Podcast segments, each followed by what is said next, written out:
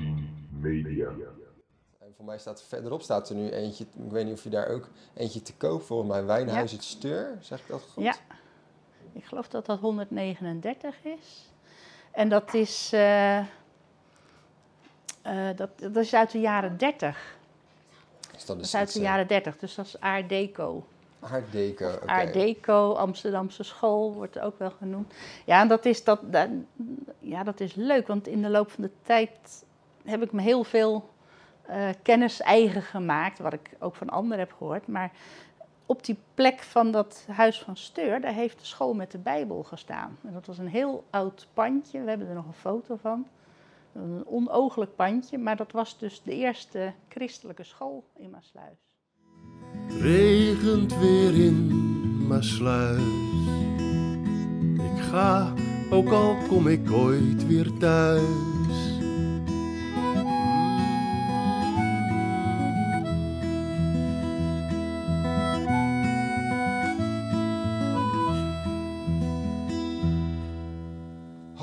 En welkom bij een nieuwe aflevering van de Masluizen podcast. De podcast waarin al het bijzonders in en uit Masluis besproken wordt. Deze podcast houdt zich tot dusver veel bezig met de geschiedenis van Masluis. En in deze aflevering gaan wij dan ook in gesprek met Ineke Vink, de hoofdredacteur van de Historische Vereniging Masluis. De Historische Vereniging Masluis verzamelt, ontrafelt en deelt deze geschiedenis. Wij zijn dan ook erg benieuwd welke rol Ineke hierin speelt. Ja, we beginnen eigenlijk altijd met even te vertellen waar zitten we nu precies. Dat is eigenlijk waar we nu mee beginnen. Ja, op het kantoor van de Historische Vereniging Maasluis. Op de zolder van het eh, museum Maasluis. Museum Maasluis en eh, ik heb wel eens vaker het gemeentemuseum gezegd, maar dat mag niet meer hè? Nee, dat mag niet gemeentemuseum. meer. Nee. Dat mag niet meer. Nee, het is Stichting Museum Maasluis. Stichting Museum Maasluis. Ja. En we zitten hier op de zolder, eh, de historische vereniging Maasluis, het kantoor. Ehm, en dat is ook de reden dat eh, ja, jij nu in ieder geval onze eh, uitzending bent. Ik ga gewoon even door. Ehm, want jij, ja, Ineke Vink, misschien kun je jezelf ook even voorstellen. Ik ben de hoofdredacteur van de vereniging. Die titel heb ik mezelf maar gegeven. Ja, zo werkt dat met vrijwilligers. Dat, eh, ja, ik, ik ben op een gegeven moment de redactie gaan doen. En eh, de, de hoofdredactie of de eindredactie heb ik overgenomen. En ik heb, eh, ik heb nog eventjes gekeken wanneer dat was. dat, is in, dat is met 25-jarig jubileum geweest van de vereniging. Toen ben je in de rol van de Ja. hoofdredactie of Ja. redacteur, redactrice. Nee, redacteur. Oké. Het is een functie. Ik ben redacteur. En, en wanneer was dat ongeveer? Of Nou, wanneer- 25 wanneer- jaar jubileum. En eh, volgend, nee, in 23 is, eh, bestaan we 40 jaar. Dus bijna 15 jaar geleden. Oké. En heb je toen die, die functie van iemand overgenomen? Of? Ja, ja, ik heb hem overgenomen van Rien Luiten. Die, deed die, die zat zijn, toen zijn hele leven al bij de vereniging.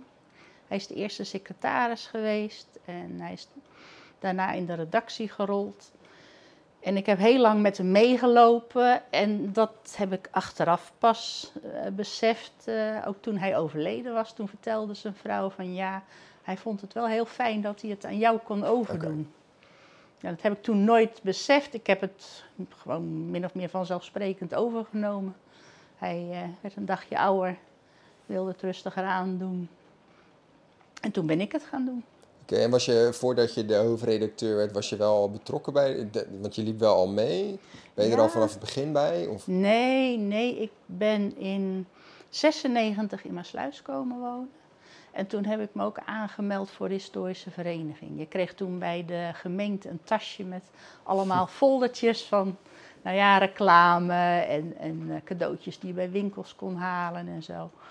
Dus ik heb toen Maasluis leren kennen en daar zat ook een foldertje van de historische vereniging bij. Ik denk, ja, dat vind ik leuk, dat, eh, daar wil ik bij. Dus eh, toen heb ik me al vrij snel aangemeld. Want eh, de, ja, de geschiedenis van Maasluis, eh, heb je al je leven lang iets met geschiedenis? Of? Ja, kan je wel zeggen. Oké, maar Ja. is dat ooit ontstaan? Nou, mijn vader was geschiedenisleraar. Dus Hmm. het is me echt met de paplepel ingegoten. En ik heb zelf eh, in de avonduren kunstgeschiedenis gestudeerd in Leiden. En dat vond ik heel erg leuk om te doen. Maar ja, ik heb er nooit mee gewerkt. Want eh, voor de klas staan, dat is niks voor mij. wel wat voor mij. Ja. Maar dat, nou ja, goed, dat is ook inderdaad iets wat je moet liggen. Ehm, en nee, je, je gaf ook aan, in 96 kwam je naar Maasluis, eh kreeg je zo'n boekje. Ehm, wat was hetgene wat jou in Maasluis dan zo, of misschien geschiedenistechnisch in ieder geval, heel erg Ja, aansprak? dat is, dat is heel raar. Ik voelde me meteen thuis in Maasluis. Dat dat is heel vreemd. Dat, eh, eh, we zijn naar een huiswezen kijken. Het hele Westland hebben we afgesjouwd. En er was nergens een plek waarvan ik zei van... nou, daar zou ik ook wel willen wonen. En in Maasluis, dat huis en, en dat stadje... ja, ik weet niet wat het... maar het heeft iets. Dus ik voelde me meteen op mijn gemak. En zo'n historische vereniging, ik denk, ja, dat is het helemaal. Dat, Ja. eh, dat vind ik leuk om, eh, om in te burgeren.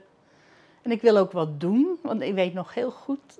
Ik denk, ja, nou, dan word ik lid, maar hoe pak ik dat verder aan? En toen ben ik naar de ledenvergadering eh, gegaan, de jaarlijkse ledenvergadering. Nou, dat heb ik geloof ik ook twee of drie jaar moeten doen. En steeds weer gezegd eh, tegen bestuursleden dat ik wel iets actiefs wilde doen.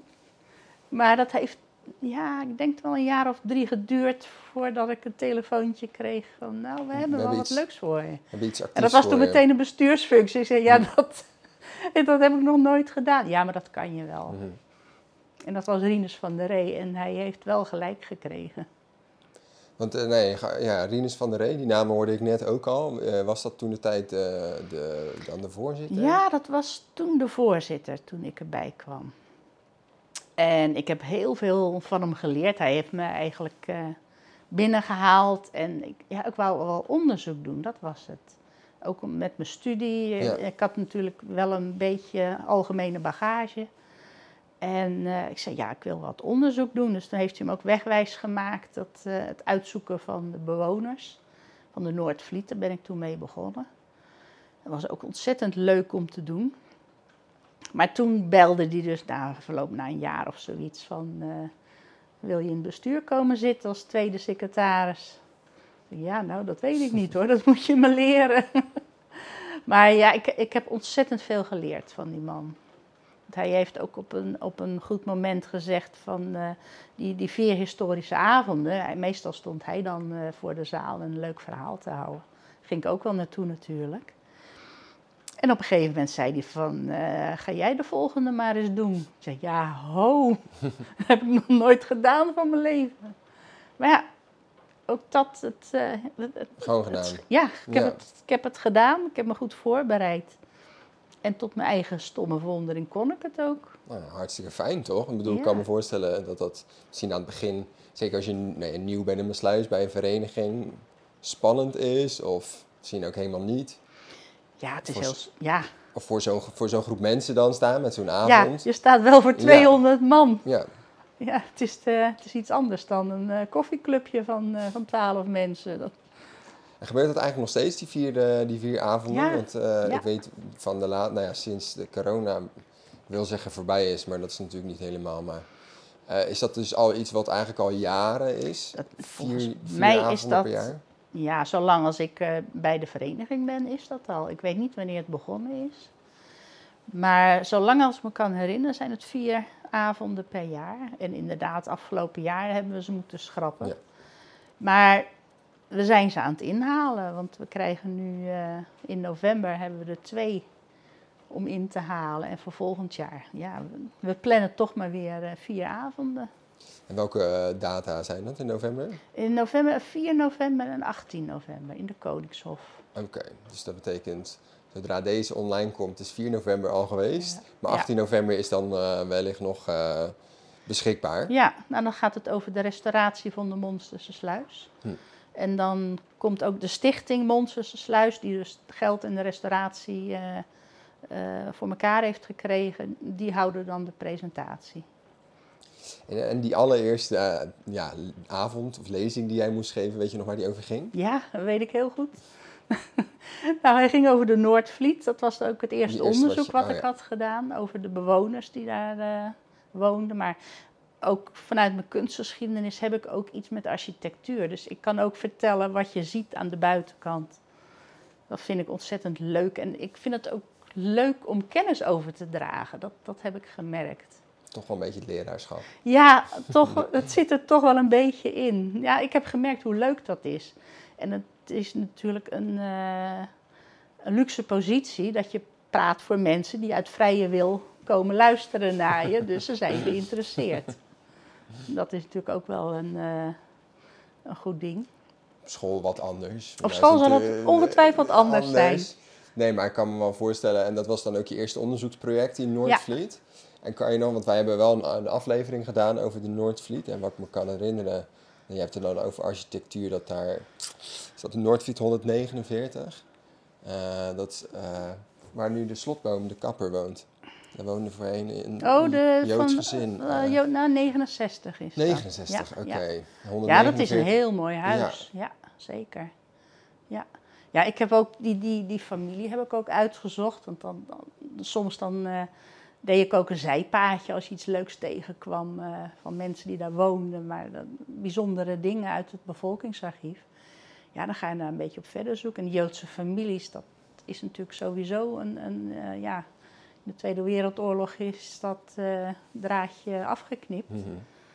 En dan is het toch iets, voegt het toch weer iets toe als je het verleden, het draadje naar de andere kant volgt van die mensen. Waar ze vandaan komen, wat hun familie is. En die Joodse familie, die is in nou ja, begin 1900 in Maasluis komen wonen, Kooltof. En zij hebben ook dat huis gebouwd zelf. Nou, dus het huis is uit 1911. En dat zie je dus ook, want het is Art Nouveau. Ja, ja dat, nu En ik zegt- vind dat prachtig. Ja, want nu je zegt art niveau, denk ik, ja, daar hebben wij het inderdaad over gehad. En voor mij staat verderop staat er nu eentje, ik weet niet of je daar ook eentje te koop, volgens mij Wijnhuis Ja. het Steur, zeg ik dat goed? Ja, ik geloof dat dat 139 is. En dat is, eh, eh,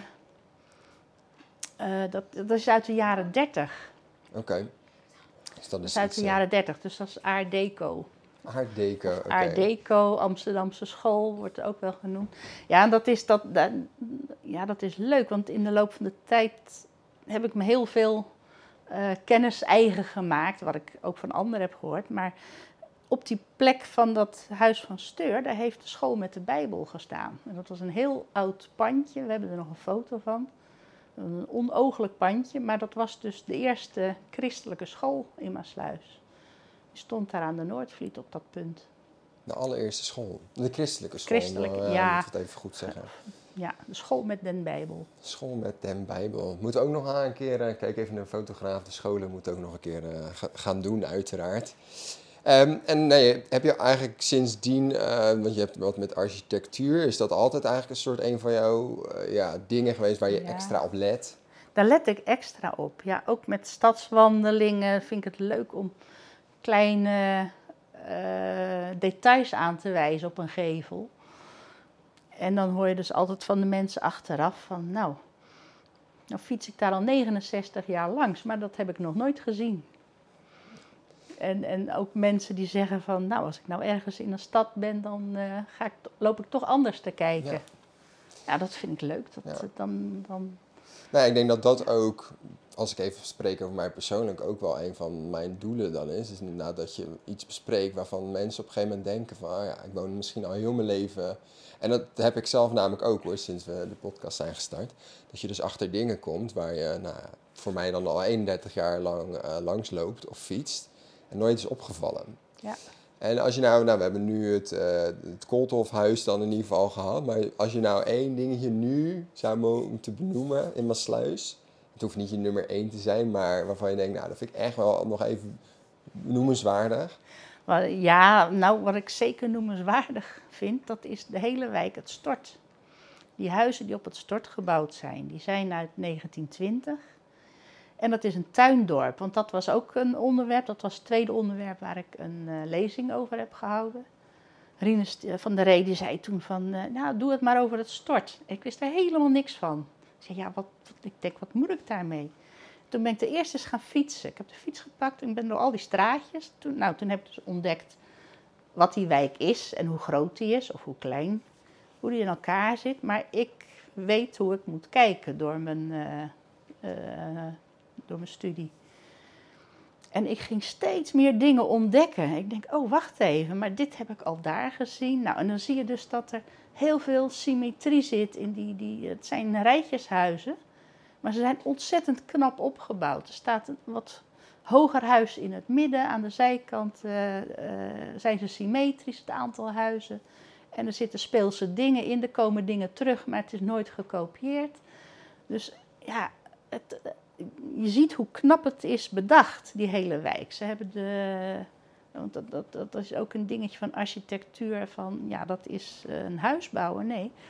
Architectuur, zeker van een wijk, dat is het vormgeven van de lucht, van de ruimte. Je geeft de straten vorm. Niet de huizen, maar het zijn, de straten, die, je in uiterlijk krijgen. En dat is heel duidelijk te zien op het stort. En ik heb uh, van de zomer heb ik, uh, dat was bij, toe, bij toeval, heb ik de burgemeester daar ook uh, rond mogen leiden. Want hij zei van ja, mag ik eens wat, wil jij wat meer over ja, industrie, de economie van vroeger, hoe de mensen leefden, kan je daar wat over laten zien? En in de coronatijd doet hij elke vrijdagmiddag gaat hij de straat op. Dan gaat hij naar buiten om toch zichtbaar te zijn. Dus toen hebben we door het stort gefietst en ik heb hem allemaal dingetjes aangewezen. Ik zei, ja kijk, dit is een kort straatje, maar aan het eind staat weer een puntgeveltje. Dat sluit het straatje mooi af en dat uh, geeft het, zet het in zijn verband. Nou ja, dat, hij vond het ook geweldig om te zien. Nou ja, en dat is dus iets, ja, je merkt het uh, hoe ik erover praat. Ik vind dat ontzettend leuk om, uh, om te ontdekken en het dan aan anderen Mensen. te laten zien. En je noemde net een tuindorp, een tuinwijk? Tuin, ja, tuindorp. Oké, en waar is dat, waarom het woordje tuin? Ja, dat, uh, dat komt uit Engeland, uh, 19e eeuw. de tijd van de opkomst van de industrie. En dat, was dus, dat liep parallel met de opkomst van de, de arbeiders en de slechte woonomstandigheden. En toen waren er ja, filantropen, eh, mensen met, met idealen, die dachten we gaan betere huizen voor de arbeiders bouwen. Dat zat dan wel paternalistisch tintje aan van als ze beter wonen gaan ze ook harder werken. Maar de arbeiders, om ze gezond te houden, dus uh, ja, hele wijken of hele, hele dorpen of steden voor hun speciaal bouwen. Maar dan krijgen ze dus een eigen huisje, uh, lucht, uh, reinheid, een, een, eigen tuintje. En zo'n wijk werd dan ook helemaal ingericht voor de arbeiders. Er kwam een winkel, er kwam een kerk, een bibliotheek, kruideniers, alle scholen, maar geen kroeg. Dan hoefden ze dus niet de wijk uit voor de boodschappen, maar dan werden de mannen ook niet in de verleiding gebracht om, om, het geld op te drinken voordat het thuis gebracht werd. Nou, dat idee en in heel uitgeklede vorm heb je dus in Nederland ook allerlei tuindorpen gekregen. En die stammen allemaal uit het begin van de, uh, van de 20e eeuw. Maar uh, Betondorp in Amsterdam, in Rotterdam, Schiedam heb je, het Witte Dorp heet dat geloof ik. Maar je hebt overal tuin. Op de Heidplaat, Heidplaat heeft een heel mooi uh, tuinwijk.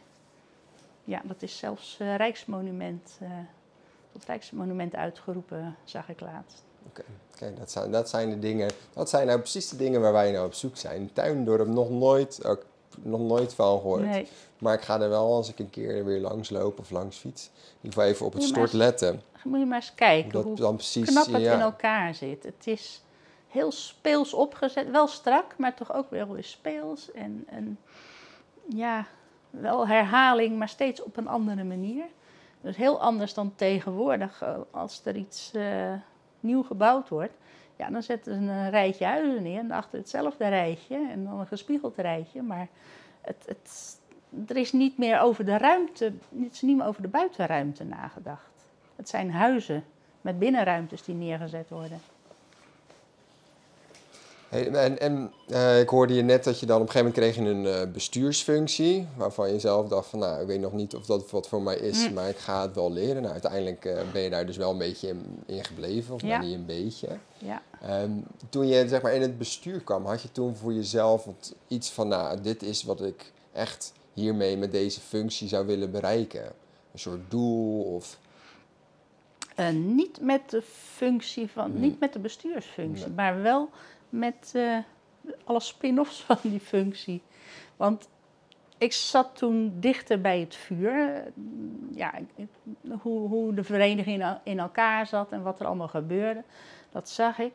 En toen ben ik wel steeds meer uh, taken op gaan pakken die ik zag liggen.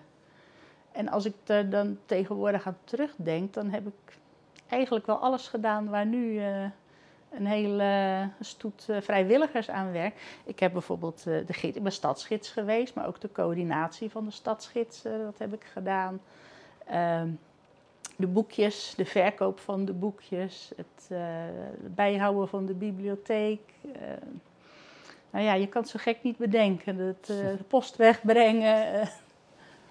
Is een beetje, noem je dat, alle treden van de ladder. Ja, gehad. Gehad. Ja. En ik, ja, ik vond het leuk. En ik zag zo'n taak liggen en dan denk ik, ja, dat moet wel gebeuren. Mhm. Dus dan pak je het op. En de vereniging die groeide toen ook uh, verder. We kregen een andere voorzitter. En toen, ja, toen kwamen er ook meer mensen, meer vrijwilligers. En dan kun je ook weer met een gerust hart taak uh, afstoten of overlaten aan anderen. Ja, want je noemde inderdaad boekjes. Nou, we hebben hier uh, niet toevallig hmm. een aantal boekjes natuurlijk liggen. Uh, ik zie de Chroniek, de Atlas. Dat zijn allemaal kanon van mijn sluis. Ja. Het zijn allemaal boekjes waar jij aan hebt meegewerkt. Ja.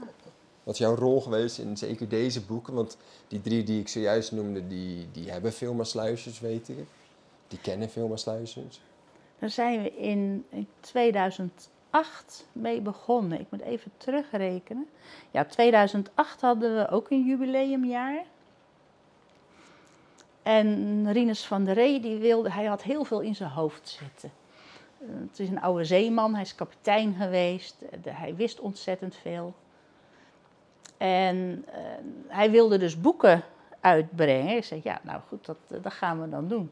Maar ja, de chroniek, eh, we, we, hadden al gezegd, nou, we brengen een boek uit voor het vijf, of voor 20-jarig jubileum. En uh, dat werd ook in, in de pers, nou, er komt een leuk boekje uit. Maar toen het boek er eenmaal was, was het dus een boek van 600 pagina's geworden. Daar zijn we zelf ook erg van geschrokken, want het is veel meer werk geweest dan we konden overzien. Ja, je begint als, als amateurs... Uh, je hebt geen enkele ervaring ermee, maar je begint eraan. En dan rolt het toch wel een heel mooi boek uit uh, uiteindelijk. Dus het was, uh, nou ja, voordat het uh, gedrukt was, was het eigenlijk al uitverkocht. En Rinus had nog meer in zijn hoofd, want hij wou ook heel graag een kaartenboek uitgeven. Nou, dat is dan de Atlas geworden in 2014. Dat hebben we gelinkt aan het aan uh, eh, 400 jaar Maasluis. Toen had ik zoiets van, nou, dat zijn wel monsteruitgaves geweest en ik heb daar niet meer zoveel zin in. Maar voordat het jaar verlopen was, had ik me toch alweer vastgelegd om de kanon van Maasluis te maken. Maar dat is een heel leuk project geweest. Dat, uh, dat is een wat kleiner boek, een hele andere opzet. En we hebben een, uh, een clubje gevormd. En met elkaar, we waren met drie of vier mensen. En we zijn eerst eens gaan uitzoeken, wat is eigenlijk een kanon? En hoe moet een kanon eruit zien en wat moet erin? Dat is een heel leuk proces geweest, daar hebben we zoveel van geleerd. Wat moet erin? Nou, wat, ik, bedoel, ik heb wel eens gehoord van een kanon, maar waar, wat is het dan precies? Ja, nou, dat is een hele goeie. ik weet niet of je Bijbel vast bent, maar je hebt, in de Bijbel heb je ook de kanonieke boeken de, de, de, Bijbel bestaat uit kanonieke boeken. Dat wil zeggen de boeken die zijn toegestaan van overheidswegen, van de paus of ik weet niet precies hoe dat zit. Dat zijn de boeken die noodzakelijk zijn om de geschiedenis te vertellen. De Bijbelse geschiedenis, zo moet je een beetje zien. En wij zijn toen gaan zoeken, nou, wat zou een kanon van Maasluis moeten zijn? Er is al een kanon voor Nederland, alle steden willen graag een kanon. Toen hebben we een uh, formulering gemaakt. Maar sluis, zoals het nu is, dat heeft een reden dat het is zoals het is. En alles wat er in de geschiedenis gebeurd is en op de een of andere manier richting heeft gegeven aan de ontwikkeling van Maasluis, of een, een hele kleine afbuiging uh, heeft veroorzaakt, Nou, dat zijn dan onderwerpen die in de kanon moeten, want die hebben Maasluis bepaald. En om een ding, voorbeeld te noemen wat uh, veel mensen bekend zal voorkomen, Maarten het Hart uh, heeft heel veel over Maasluis geschreven, Maasluis in de 60 jaren. Hij heeft nu niks meer met Maasluis. Maar wat hij geschreven heeft, dat is in, ik geloof in honderd uh, talen vertaald. Het is over de hele wereld verspreid. Dus tot in Japan weten ze hoe Maasluis eruit ziet door de boeken van Maarten het Hart. En hij heeft dus een bepaald beeld van Maasluis geschapen.